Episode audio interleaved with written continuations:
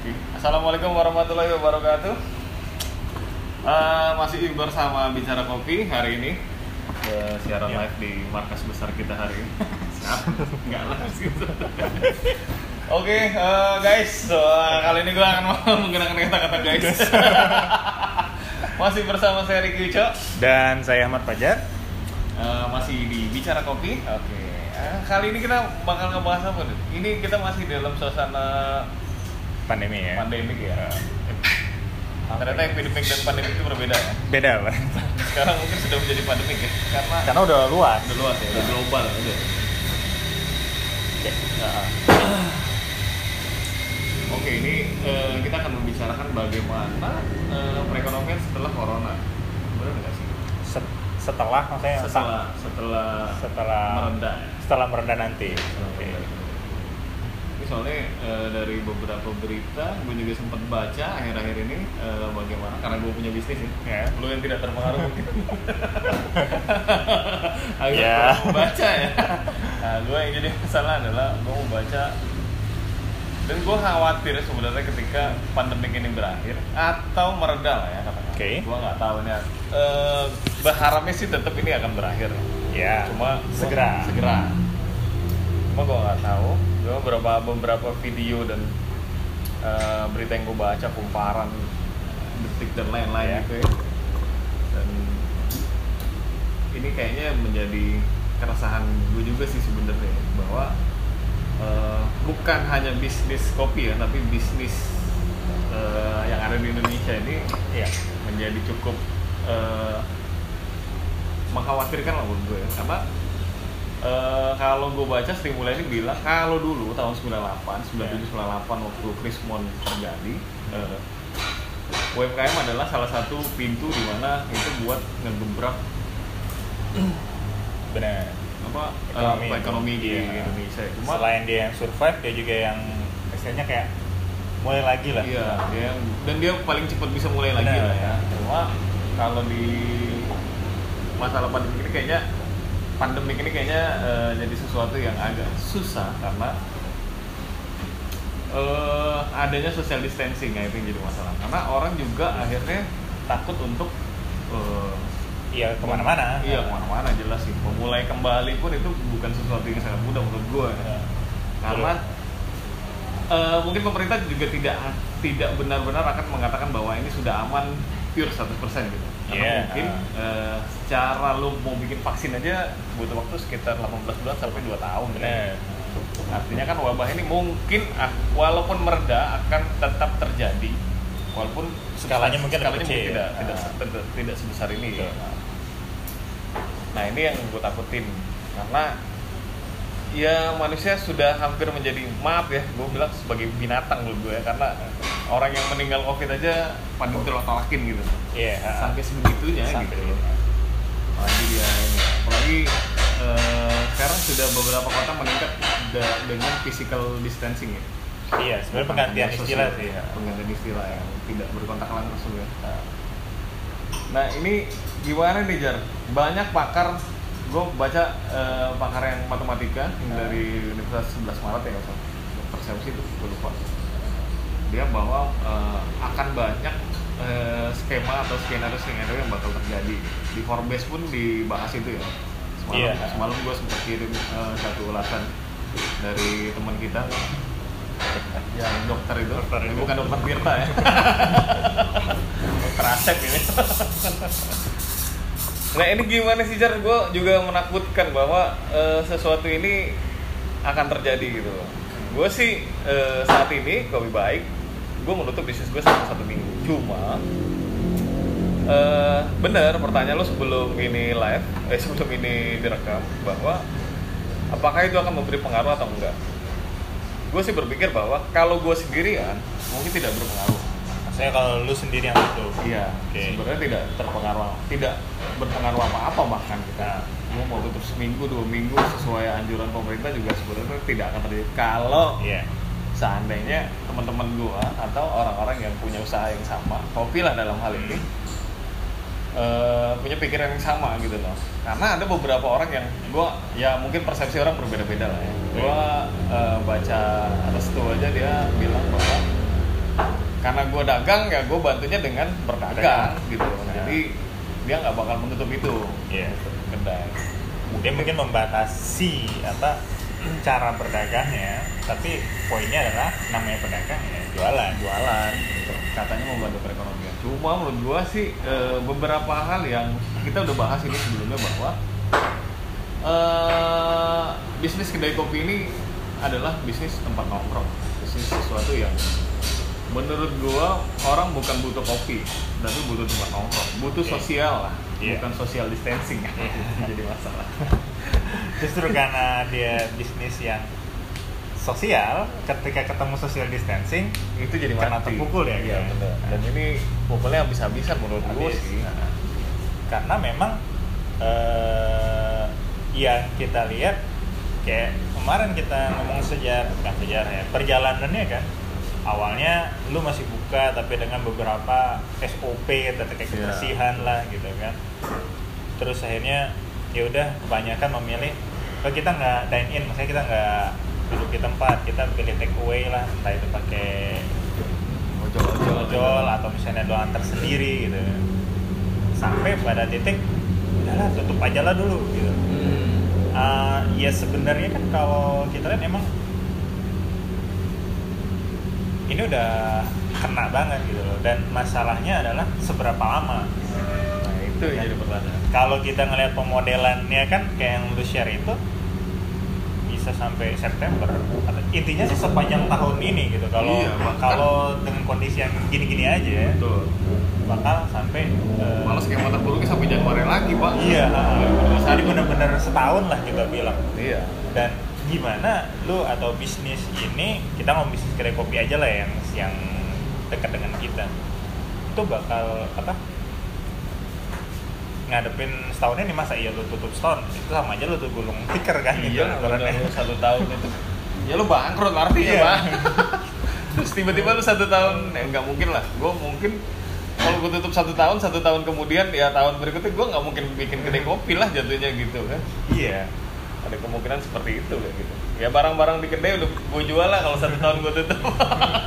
ya lu kan harus hidup kan maksudnya dan menghidupi Dan menghidupi. itu harus cari usaha lain gitu Bener. yang kira-kira gimana caranya nggak terpengaruh social distancing atau physical distancing ya ya itu sih kalau gue lihat eh, permasalahannya gitu karena kalau misalnya ngomong apa postery misalnya Ya. postery kayak kita pernah singgung. Lu mau jual ke siapa? Ke kedai kopi kedai kopi aja sebagian tutup. Bener. Ya. mungkin masih ada yang ya mengalihkan lah ya gitu. Yang biasa. Kayak kayak itu bilang saya restu misalnya. Gimana kalau jual eh, kopi uh, kon kondisinya dia bilang kan yang dia dijual murah dalam tanda kutip itu kan sebenarnya yang skornya lumayan kalau kita Iya, ngomongin dari sisi 80-an kopi lah. 80-an sekian ya gue bilang "Ya sekarang orang menghidupi dengan cara jualan es kopi susu gitu Nah, Nah, orang sekarang nggak kepikiran buat jualan kopi filter pak ibaratnya bener, bener banget ya si Isal pun dia jual yang satu liter kan. Iya. Nah, itu. Dan ada lagi beberapa yang mau jual satu liter juga kayaknya Iya, ada udah pada cari kemasan pak ada di story ya nyari kemasan satu liter. Halo, Rangga makan apa? jadi setelah masker susah hand sanitizer susah Sekarang nanti botol yang satu liter bakal susah. Karena biasa. semua, semua orang akan bikin itu. Makanya gue juga kemarin bahas juga sama Pak Adel bahwa, eh tadi pagi sih gue bahas bahwa eh, gimana kalau ini dijadikan sebagai subscribe. Gue mikir bahwa Subscribe maksudnya langganan jadi langganan es kopi susu gitu loh Oke. dalam bentuk Ah. kemasan kita nganter so jadi kita benar-benar eh, apa physical distancing lah artinya Ah. kita menjemput bola lu eh, kita akan bikin PO sebagai langganan cuma yang gue takutkan adalah secara psikologis bahwa orang jadi takut sebenarnya ngelihat ketika lu bikin eh, catering kopi atau langganan kopi baik itu es kopi susu ya Hmm. ataupun kopi beans dengan angka gue takutnya orang justru sebenarnya takut. Karena dia melihat angka. Toh yang terpengaruh sebenarnya maksud gue sekalipun lu tidak terpengaruh karena lu tidak punya usaha tapi kan secara finansial lu juga akan terpengaruh kan? Iya jelas. Karena lu mungkin belanja jauh lebih banyak atau Betul. mungkin atau mungkin lebih mahal lebih mahal. kondisi sekarang. Betul. Atau mungkin eh, gaji yang lu terima mungkin ya sebagian orang nggak nggak dapat gaji yang penuh kan Betul. ya orang hotel paling cuma dapat gaji pokok Iya. katakanlah seperti Ah. itu Eh, jadi dia nggak bisa tadinya dapat oh, nggak ada insentif take- bonus iya, hal-hal yang terkait Iya, kerjaan pekerjaannya nggak ada Ya, gitu enggak, lo bertahan dengan gaji gaji pokok doang. Betul. Katakanlah anak hotel lah, anak hotel kan gapoknya nggak seberapa pak. Kalau dia nggak ada, nggak kerja, nggak masuk lah, atau hotelnya tidak beroperasi, Betul. insentif nggak ada. Lo tadinya bisa take home fees 6 jutaan, hari ini lo kerja di rumah lo cuma dikasih duit satu juta setengah hari ini, gue rasa mungkin nggak cukup lah ya, secara hitung hitungannya. Nah, gue takut bahwa ketika gue melemparkan eh, subscribe eh, kopi, terus gue memperlihatkan harga, gue takutnya mereka juga tidak mampu. Atau mungkin eh, itu akan terjadi di awal-awal. Belakangan dia akan berpikir bahwa gue akan beli sesuatu yang lebih penting aja oke benar daripada nggak penting. Toh Iya. kopi masuk arahannya dalam artian eh, lu nggak kopi juga nggak mati lah ya. Iya. gitu. Paling itu menjadi sebuah ya masih kategori jajan lah Pak. Iya, Kopi. maksudnya jajanan jajanan, Pak. jajanan ya. Gue nggak mungkin jajan lah untuk Eh. sekarang ya. Gue juga anak-anak, ya lu- kalian nggak mungkin jajan lah selama tiga bulan. Eh, artinya maksud gue eh, ini ini benar-benar eh, membuat jadi mentok gitu loh pak. Jadi ada hal-hal yang menurut gue takutnya tidak berjalan. Menurut tuh seperti itu nggak sih? Kalau gue melemparkan eh, sesuatu yang berbentuk subscribe, terus gue memperlihatkan sebuah harga langganan, yang orang mungkin nggak bakal melakukan itu. mungkin kita bisa awalnya belajar dari ini pak dari orang yang memang eh, sedari awal menjual Menjual kemasan seperti itu, Nah. Kan ada beberapa kawan kita yang jualnya memang sudah nggak punya kedai jualnya botolan misalnya kayak gitu kan yang yang memang sudah berbentuk kemasan. Gue juga pernah ngelakuin itu gitu Iya, loh. betul. Eh, di di di kondisi normal sebenarnya sih nggak masalah ya. Karena konsumen ini kan memang konsumen yang sudah terbentuk seperti itu gitu loh. Artinya ketika lu mengubah menjadi subscribe eh, katakanlah kemasan berarti lu akan mengubah pola konsumen juga? Pola ngopi konsumen. Di mana? Balik lagi. Kayak kita pernah ngobrol. Dalam kondisi apa sih orang untuk ngopi seperti ini gitu loh? Bener. kebanyakan kalau gue itu adalah orang-orang kantoran pak. Maksudnya orang lagi kerja. Ah. situasinya tuh dia lagi di kantor gitu Bukan kerja. lagi di rumah ya. bukan kerja dari di rumah atau bukan lagi di rumah gitu loh eh nggak tahu kalau yang lain ya tapi pengalaman gue tuh seperti itu. Ini bukan tipikal eh, yang bisa atau mau lu nikmatin sendiri di rumah gitu. Tapi eh, produk ini adalah produk untuk menemani lu melakukan sesuatu.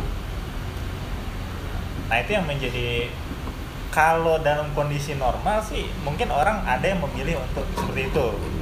Katakan ya gue lagi sendiri gue lagi pengen gue pesen oke.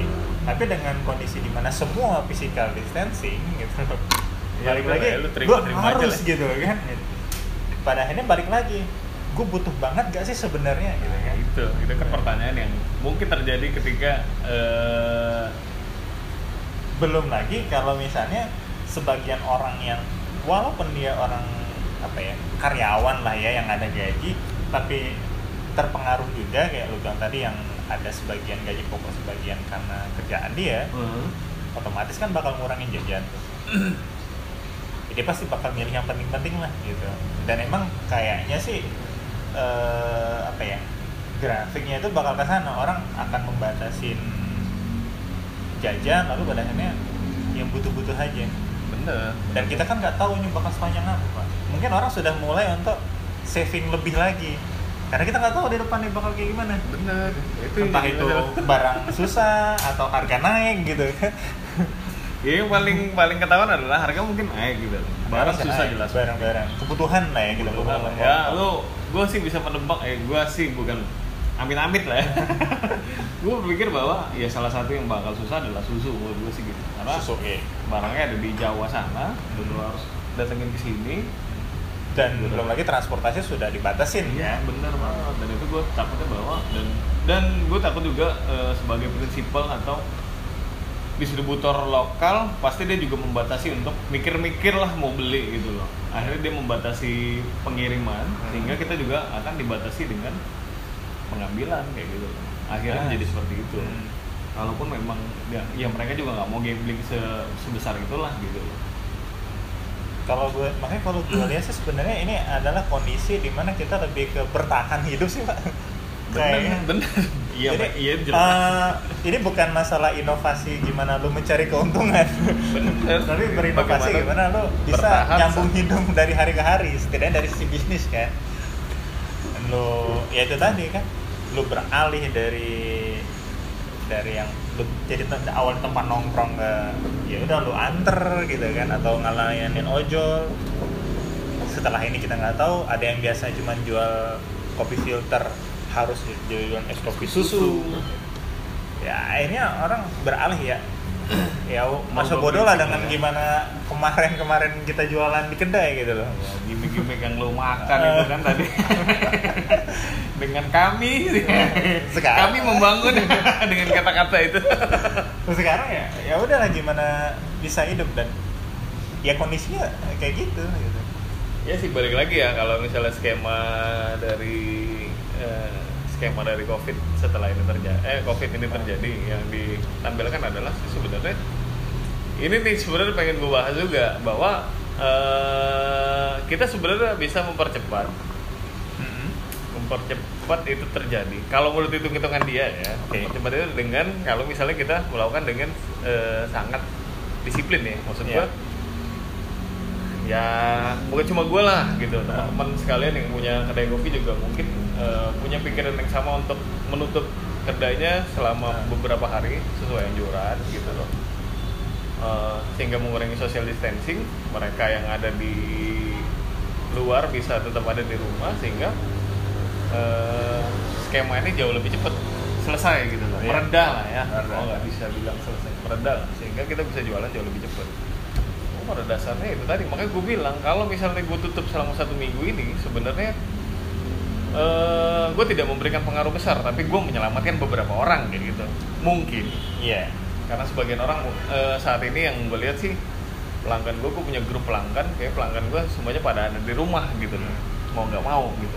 Oh mereka nggak ke tempat lain iya mereka nggak tempat itu itu udah kita bahas lah itu kalau customer lo nggak mungkin ke tempat gue customer gue juga nggak mungkin ke tempat lo gitu loh Iya. dan, dan ini memang benar-benar terjadi gitu loh A- artinya itu kan juga nunjukin pola pak bahwa sebenarnya eh, balik ke awal bahwa kedai kopi itu tidak saling bersinggungan secara langsung Pak. Mm-mm. secara konsumen artinya kita punya konsumen masing-masing itu satu hal tapi hal lain adalah mereka juga nggak kopi nggak apa-apa sebenarnya. Bener. Dan itu juga sebenarnya malah jadi PR kan? Mm-mm, lu bener menjual sesuatu yang terbukti mereka nggak butuh-butuh banget gitu loh gimana mensiasatin itu di tengah kondisi seperti ini? Bukan pada polemik ini sebenarnya udah berubah menjadi polemik pak. Iya. Iya sih sebenarnya. Maksud gua eh gua gua tahu sih beberapa kedai mungkin mereka eh, butuh sesuatu untuk menyambung hidup mereka lah gitu Iya. ya sesuatu yang gue juga sebenarnya punya hal yang sama cuma gue mikir bahwa ada sesuatu hal yang mungkin bisa gue selamatin dengan cara seperti ini gitu. dan kalian tuh sebenarnya harusnya juga bisa Oke. Nah, bukan artinya gue nggak bisa bilang juga ya bahwa ini egois atau enggak gitu Nah. karena di satu sisi lo juga mungkin menghidupi orang lain atau lo juga menghidupi eh, rumah lo sendiri lah gitu Hmm. cuma mungkin eh, harusnya ketika polemik atau pandemik ini terjadi eh, kalian harusnya kalau secara ekonomi mungkin kalian sebenarnya sudah makan modal sudah makan modal Oh iya harusnya untuk menutupi gaji karyawan lah Oh, iya. apa segala macam. Itu kalau misalnya sistem keuangan lo bener gitu maksud gue. Gue juga gue pun sekarang sudah mulai akan memakai modal gitu loh. Gue modal gue sendiri gitu. Karena mau nggak mau kan, gue akan eh, setelah satu minggu gue akan tetap menjalankan kedai. gue gambling, gue nggak tahu itu akan terjadi seperti apa. Hah? yang otomatis pasti gue sih mikir bahwa ya pasti lo akan memakan modal lo Iya. sekarang jadi masalah kalau usaha lu sebenarnya nggak punya modal lu benar-benar akan melakukan hal seperti ini maksud gua lu nggak bakal nutup lu akan eh, mencari gaji dari penghasilan lu setiap bulan gitu habis-habis aja gitu Iya. Dan pada dasarnya sebenarnya eh, keadaan ekonomi di kedai lu tuh carut marut nih saat ini sebenarnya dari awal buka sampai Nah, sebenarnya itu kan yang menjadi eh, apa ya? Menjadi sebuah isu lah ya kita bilang. Hmm. Dulu karena kita pernah bikin kelas, Kelas, keuangan betul. gitu ya. Sebenarnya sih lebih ke bukan berarti kita apa ya? Kalau gue sih bukan soal gimana lu cari duit sebenarnya. Concern kalau gue pribadi kalau saat ini ngomongin atau gimana? Bisnis pada ini? dasarnya pada kalau dasarnya pada dasarnya kalau gue ngomongin bisnis karena gue juga nggak ngerti soal marketing lah ya dan gimmick gue bukan soal gimana lo menaikkan omset tapi gimana lo mengatur cost atau biaya. Betul. Itu betul betul betul. Jadi Betul, betul. eh, karena kalau menurut gue sih ngalir aja sih kalau lo cost apa produknya apa lo jual. Itu dapat omset lah ya kan itu itu dengan bego lah ya. ya se- sesimpel itu gitu. Masalah gimana lu ngemasnya jadi marketing terus lu mau mengupgrade sales lu jadi omset ya nah, itu cara masing-masing. Nah cuma yang jadi masalah kan ketika uh, lu nggak ngatur biaya atau cost lu secara benar secara efisien mau segede apa pun omset lu kan bakal tergerus juga. Gitu Iya. Nah, dan ya gue nggak tahu sih ada yang bilang eh, kalau misalnya buka usaha katakan misalnya kedai kopi lo harus siap enam bulan. Maksudnya enam bulan lo ya dapat apa apa ada yang bilang setahun ada juga yang tiga tahun gitu kan tergantung bentuknya lah ya kan gitu Nah, sementara lo sendiri pernah cerita kalau eh, lo punya ada masa-masa turun dan lo udah ah lo udah tahunan lah udah, udah tiap tahun lo Iya. rasain gitu. Jadi sedari awal lu udah prepare nih katakan misalnya 2020 oh bulan katakan bulan ini misalnya lu sepi ya lu udah prepare gitu loh.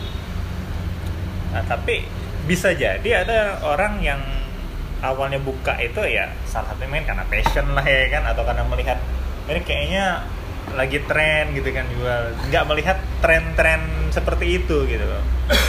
Ketika sudah invest banyak ke alat ke bahan tiba-tiba kondisi seperti, Seperti ini, ini. gitu. Sementara lu aja yang tahunan udah ada turunnya melihat seperti ini juga di luar kebiasaan. Bener. Ini termasuk ya maksud gua beruntun dan terlalu panjang. Yang jadi masalah adalah sih sebenarnya di tahun ini dan di bulan ini ada puasanya itu loh pak itu juga Ya. jadi masalah. Masalahnya? Ya harusnya kan itu di bulan Juni atau di bulan kemarin terakhir kan? Kemarin Ju, Jun Juni ya? Sudah masih di Juni ya? Iya, masih. oh enggak masih udah masuk Mei pertengahan lah pertengahan pertengahan Mei Ya, iya pertengahan Mei baru puasa kan? Iya. Juni sekitar Juni lu udah lebaran. Pertengahan uh, lebaran. Itu yang jadi masalah. Karena kan sekarang kalau misalnya social distancing itu terjadi ya dia sih sebenarnya ya tapi yang gue pikir ketika puasa lo mau buka siang yang beli siapa gitu. Betul. orang pada puasa. Nah, kalaupun gue nekat nggak buka sebegitu banget gue ya menjadi orang untuk eh, mengajak eh, tidak berpuasa. Mungkin salah satunya. Iya. memfasilitasi lah ya. Terus maksud gue eh, kalaupun gue buka malam ya gue juga nggak tahu gitu loh. Kalau misalnya kalau mi- misalnya benar bahwa puncak eh, COVID-19 ini di bulan Mei bisa pertengahan Iya. itu kan pas lagi puasa-puasanya tuh benar. Pas sudah mau menuju lebaran lagi kalau misalnya pertengahan atau mungkin di pertengahan April. Itu kan sebenarnya sesuatu yang sangat mengkhawatirkan dan bahkan sampai sekarang pun ketika ini diceritakan eh, solusi itu belum pernah belum terpikirkan kayak gitu. Iya sih. Cuma Jar ini benar-benar polemik Jar. Gua juga masih bingung. Bagaimana ini harus dijalankan. Yang jelas adalah yang masalah adalah eh gue menghidupin beberapa orang termasuk keluarga gue sendiri. Bahkan gue menghidupi gue sendiri gitu. Iya. dan orang lain. Itu yang jadi masalah eh polemik ini benar-benar eh, menjadi sesuatu yang eh, kita sebenarnya wajib takut sih sebenarnya. Cuma di satu sisi kepedulian itu juga jadinya hilang kayak gitu. Oke. Tau nggak? Tau nggak sih? Eh, kayak ya maksud gua kayak sebenarnya eh, jenazah yang ditolak-tolakin di kampung bahkan Oh, iya. dilempar-lempar batu. Ah. event itu pun ada TNI ada pihak kepolisian di situ. Maksud gue orang juga Hmm. masih berani untuk menolak bahkan melempar itu gitu loh bahwa eh, COVID-19 ini seolah-olah menjadi sesuatu yang sangat creepy banget ya sangat Iya. menakutkan bahwa bahkan mayatnya itu pun kalau lu simpen di dalam tanah juga bisa menyebar bisa sesuatu yang eh, apa menggelikan gitu atau mungkin bisa menularkan orang sekampung anget itu Iya. gitu loh padahal kan penyebarannya tidak seperti itu Iya. terus kedua eh gue tahu gue pernah dengar juga ibu-ibu rumah tangga tuh kenapa akhirnya mereka takut ke pasar itu salah satunya semua barang tuh udah disentuh-sentuhin sama orang kayak gitu Hmm. dan itu akan menyebar gitu Nah, kan padahal sebenarnya kita bisa tahu ya itu itu emang disentuh sama semua orang dan kita nggak tahu dia positif atau enggak Betul. cuma kan ketika lu cuci semua bisa hilang gitu lu Iya. cuci tangan hilang gitu Lu masak juga hilang. hilang sih Nah. sebenarnya nah hal-hal seperti ini sebenarnya yang sangat tidak membantu perekonomian di eh, saat pandemi ini terjadi. Nah ini sebenarnya yang menurut gue menjadi suatu eh, apa ya sesuatu yang ya kiamat itu di situ maksud gue Iya. untuk untuk perekonomian yang menurut gue tuh hancur itu sebenarnya bukan anjuran pemerintah untuk social distancing. Tapi eh, ketika pemerintah itu membuat atau berita membuat seolah-olah COVID-19 ini adalah sesuatu barang haram kayak babi, kayak anjing yang lo nggak bisa sentuh kayak gitu Nah, buat sebagian orang ya. Cuma maksud gue kalau misalnya ya, dia berpikir bahwa karena sebagian orang tuh ada yang mikir gitu aja. Jadi lu walaupun lu beli take away, cuma itu kan udah disentuh barista kayak gitu loh. Betul. Ada orang yang mikir sampai ke situ Nah. dan orang mikir kayak gitu gitu loh.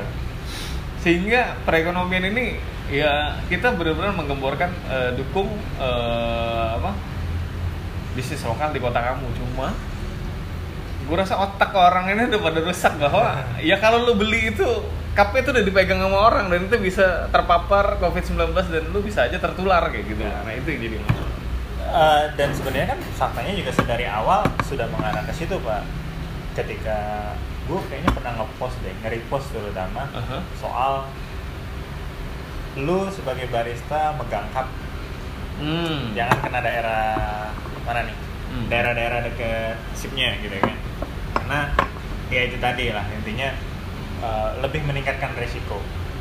Tapi di satu sisi itu kan hal yang ya sebenarnya tanpa masalah covid juga kayaknya juga harus perhatiin maksud Iya, gue gitu loh. Ya. di luar masalah covid itu bukan bagian dari kebersihan hospitality lah kalau gue ya Eh, cuman itu kan sebuah titik awal juga kayak lo bilang seolah-olah jadi semua orang tuh takut Bener. ketika sesuatu tersentuh dengan sesuatu yang lain itu menjadi kontaminasi gitu Bener. sampai gue pernah nanya juga ke lo kan pak lo nggak khawatir soal beans misalnya Hmm.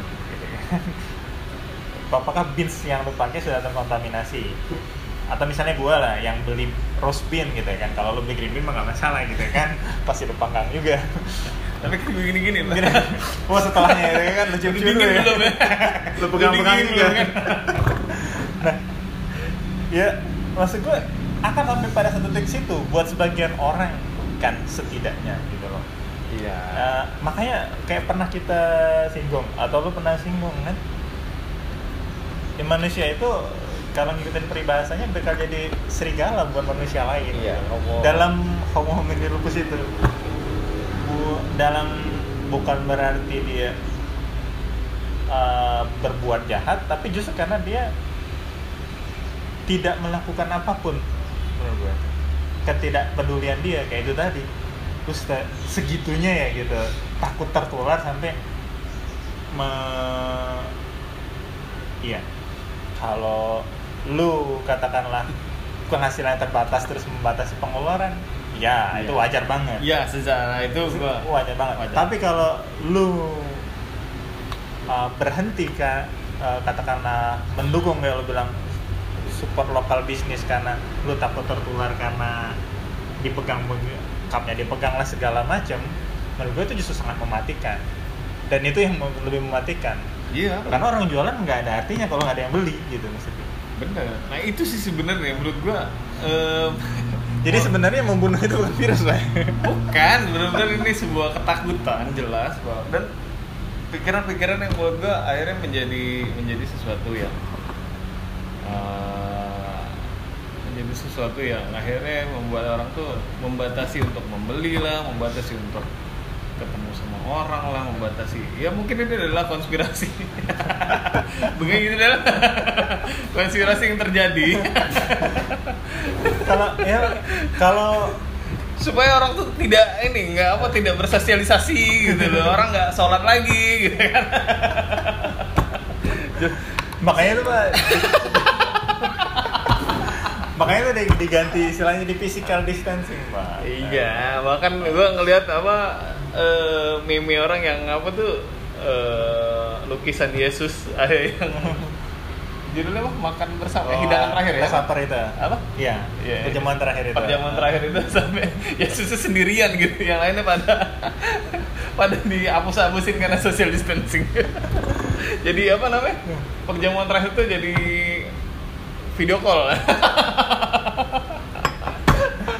Kan itu maksud gua ini ini juga yang gua banyak yang sesuatu yang merusak gua merusak dalam artian ya. secara psikologis lah ya pikir bahwa ketika lu nggak beli eh lu tuh bukan cuma eh, menghindari untuk keluar tapi lu juga menghindari untuk kontak keluar gitu loh. Bahkan lu beli nggak bisa gitu loh. Iya. Sekarang gue gue pikir gini eh, sekarang tuh banyak ya supermarket sekarang udah pakai kayak bisa nerima orderan via WA tuh kayak Bisa, bisa. Farmer Market terus Food Market, eh, Hypermart, Diamond Sam- juga nggak salah eh, tuh. bahkan di kalau di kita ngomong di Palembang Eka tuh ada kayak poinnya kan Ah, iya. lu pesan tinggal ambil aja di Hmm. situ gitu niat sih sampai ke situ. Nah, Eh, gue rasa itu juga akan sangat-sangat terpengaruh ya. Ya, kita berbicara di luar kopi lah. Gue ini ini sebuah ketakutan yang mungkin kalau kalian dengar ini adalah sesuatu yang buat gue ada ada yang salah gitu loh. Kalau misalnya ya mungkin memang cup yang lo pakai terpapar mungkin kita nggak tahu barisannya positif atau enggak katakanlah Betul. seperti itu Nah. cuma maksud gue apakah lo harus berpikir sampai ketakutan lu sampai segitunya gitu dan ini ini yang harusnya kalian coba pikirkan bahwa ketika itu terjadi sebenarnya akan eh, gue sih berpikir bahwa ini lebih chaos daripada eh, tahun 98 ya semua ini bukan bukan hanya terjadi penjarahan pengangguran pasti bakal lebih banyak. Bukan tidak mungkin bahwa event sekelas kedai kopi yang punya yang punya karyawan mungkin akan di rumahkan atau di PHK atau diberhentikan. Yang ternyata setelah di PHK dia mau ngelamar ke tempat lain juga nggak ada iya lowongan. memang. Itu itu kondisinya kan. Eh, sesimpel mahasiswa diliburkan. Ya bahasanya kuliah di rumah tapi gue bilang libur lah ya. Oke kalau dia di rumah. Kalau dia ngekos nggak boleh juga pulang katanya. Iya benar. Dia di kos ngapain? Ngabisin kuota pastinya. Tetap biaya kuota. Bayar kos masih tetap secara umum lah kita bilang ya kan? Hmm. artinya eh, bisa dibilang produktivitasnya turun lah. Mau yang kuliah mau yang kerja gitu. Dan dia nggak bisa mengalihkan produktivitasnya ke hal yang lain gitu. Orang dirumahkan ya lo bilang kerja nggak bisa pindah cari kerja lain. Karena memang semua kondisinya kayak gitu. Iya benar. Beda ketika misalnya oh usaha kopi mungkin kalau lagi kondisi normal misalnya oh tren usaha kopi lagi turun ya lu kerja di yang lain gitu kan yang lo bisa naik. ke hotel bisa Iya. ke ya yang yang lagi di luar butuh itu kerjaan lah. ya. Iya. Sekarang kan semua lagi memang lagi lagi jatuh lah bukan turun lagi posisinya. Ini jatuh-jatuh banget ini. Bener. seluruh. Seluruh benar seluruh. Kecuali ya beberapa hal yang ini mungkin ada beberapa hal ya termasuk bisnis hiburan yang direkam-rekam ini. Nah kalau ya iya sih. Ya, bisnis perfilman pun juga gitu, Pak. Beberapa orang siapa mau nonton di bioskop? ya pada akhirnya film mundur kan? Mundur, ya wa- kita punya apa sih? Wonder Woman lah, ada Fast Furious 9, bahkan banyak. Morbius pak. Hah? Morbius. Nah bis ya bisnis hiburan pokoknya semua yang mengumpulkan ya. Iya, Bis- betul. apa konser-konser konser bis gitu turun semua.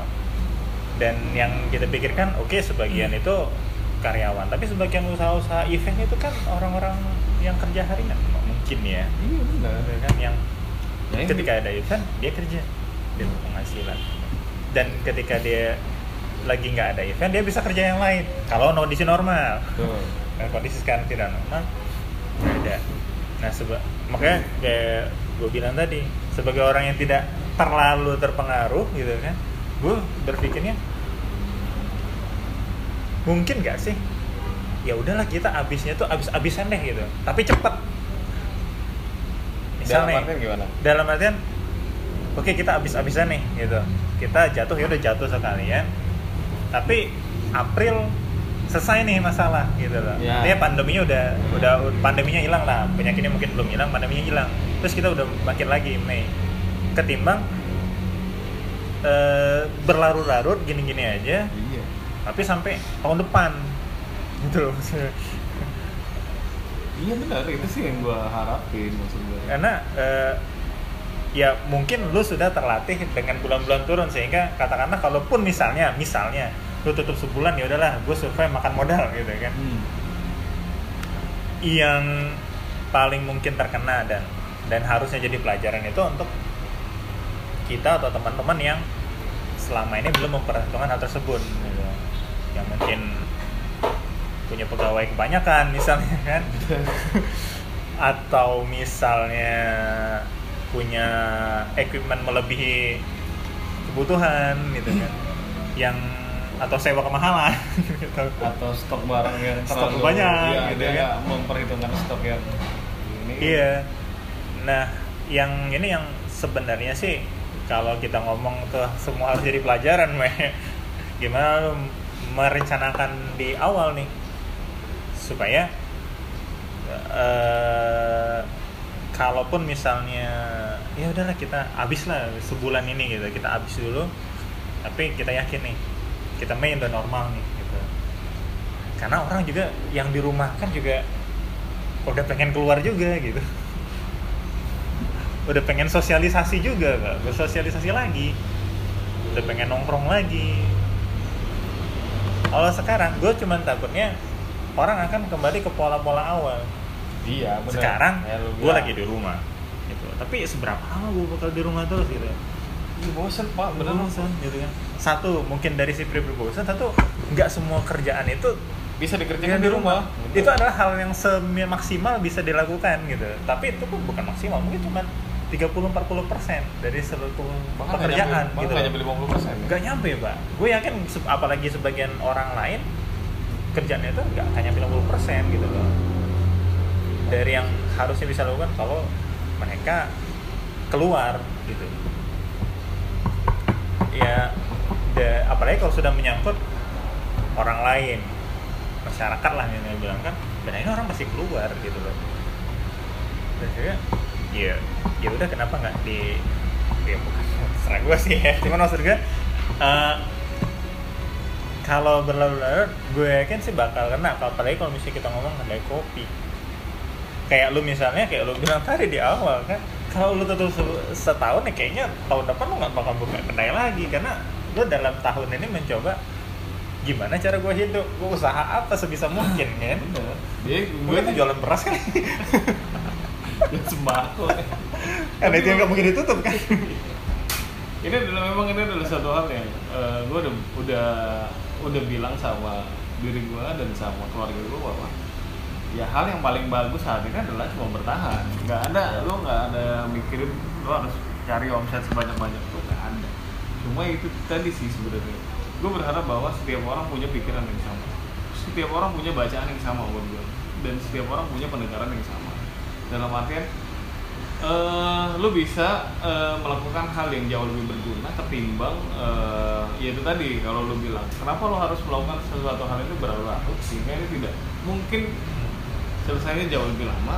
Bagaimana kalau lu- kita sama-sama untuk eh, jatuh bareng-bareng tapi waktunya cuma sebentar katakanlah Oke. cuma satu bulan tapi di bulan berikutnya kita bisa bangkit sama-sama gitu loh. Oh, berarti kalau misalnya kita frame frame-nya nih kita ngomong kedai kopi lah ya karena ini kan masalahnya memang luas Hmm. dampaknya tapi kalau misalnya kita ngomongin kedai kopi uh, menurut lo bahwa ya udah ini saatnya kita jatuh bareng-bareng tapi ya sekali aja Iya. sedalam-dalamnya Dalam-dalamnya. tapi ya dalam waktu singkat gitu Betul.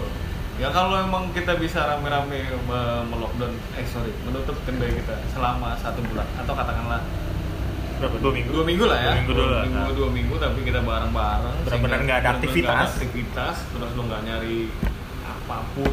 ya anggap aja lah beberapa usaha makan itu kan ada beberapa kayak misalnya bulan puasa tutup sebulan total Iya, gitu kan benar. gitu, gitu. Gimana kalau misalnya kita benar-benar bareng-bareng semuanya tutup total, tapi kita menghadapi sesuatu yang jauh lebih singkat gitu loh pandemi ini jauh lebih singkat daripada kita berlarut lu mikirin gimana caranya eh, lu harus tetap dapat omset tuh gimana lu caranya menjemput bola gimana lu cara daripada lu berpikir seperti itu dan eh, beberapa orang yang oke lu ber, eh, lu punya strategi bahwa eh, kedai lu hanya melayani take away cuma maksud gua ketika ada salah satu pelanggan yang recus regular customer lu datang nggak mungkin kan dia take away dan dia nggak duduk di situ Iya, gitu loh. Paling nggak satu meja atau dua meja dan mungkin sesuatu hal itu jauh lebih baik ketika kalau misalnya kita benar-benar menutup tidak ada aktivitas biarkan mereka customer kita bingung dan mulai berpikir untuk tetap ada di rumah sehingga eh, penyebarannya tidak terlalu cepat. Karena sebenarnya virus ini bukan virus yang berbahaya tapi penyebarannya kan sebenarnya. penyebarannya ya Penyebaran yang ngerepotin. Ngerepotin sebenarnya. Iya. Ya dari data yang kita lihat sih sebenarnya eh, mungkin nggak ada yang menurut gue sih nggak ada nggak ada orang yang cukup muda ya maksud gue. Ada sih di data yang umur 20 tahun, 38 tahun ya. Seumuran kita. Seumuran kita ya betul pak seumuran kita pak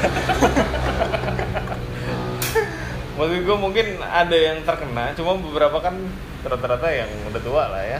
dan memang ada nggak bawaan ada kondisi bawaan. kesehatannya memang sudah rentan itu sih yang bisa kita jelaskan ya mungkin saat ini cuma mungkin ini bisa menjadi sebuah pencerahan kalau misalnya kalian juga mendengarkan podcast ini atau membaca hal yang sama sama seperti kita Eh? eh, mengikuti perkembangan COVID-19 ini di terutama di Palembang ya wilayah Palembang Eh, kalau memang sebisa mungkin kita bisa untuk eh, bekerja sama Hmm? ya kemungkinan terburuk adalah jatuh sama-sama tapi nanti kita akan bangkit bersama-sama juga kita kita bisa mempersingkat eh, pandemik ini menjadi lebih singkat tapi kita butuh kerjasama ya Iya. Ini memang waktunya untuk nunjukin bahwa kita bisa kerjasama, Pak. Betul. Walaupun kita berbeda, walaupun dalam bisnis kita pasti sikut-sikutan, tapi ya ini saatnya kita ya udah jatuh bareng, tapi nanti bangunnya juga bareng-bareng. Betul. Karena kalau kondisinya udah normal, ya pasti kita bangun bareng lah gitu. Gitu.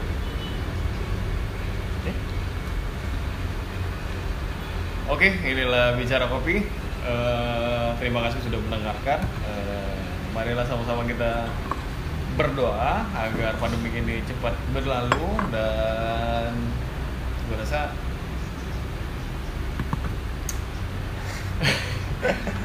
ikuti perkembangan ya. Maksud gue eh, bukan hanya korban tapi bagaimana ini akan terjadi. Kalian harus membaca bahwa ke depannya seperti apa gitu loh. Banyak yang sudah membahas eh, ada banyak kalian coba memahami dan membaca membaca dan mendengarkan sesuatu ini mungkin ada baiknya ketika kita punya satu eh, visi atau pandangan yang sama mungkin kita bisa bekerja sama dan polemik ini bisa kita cegah atau kita persingkat eh, di waktu yang lebih pendek Ya. ketimbang skema eh, sesuatu yang mungkin terjadi bisa satu tahun ke depan. Oke, ini lebih cara kopi. Selamat mendengarkan. Saya Ricky Ujo dan saya Ahmad Fajar. Selamat mendengarkan. Adios.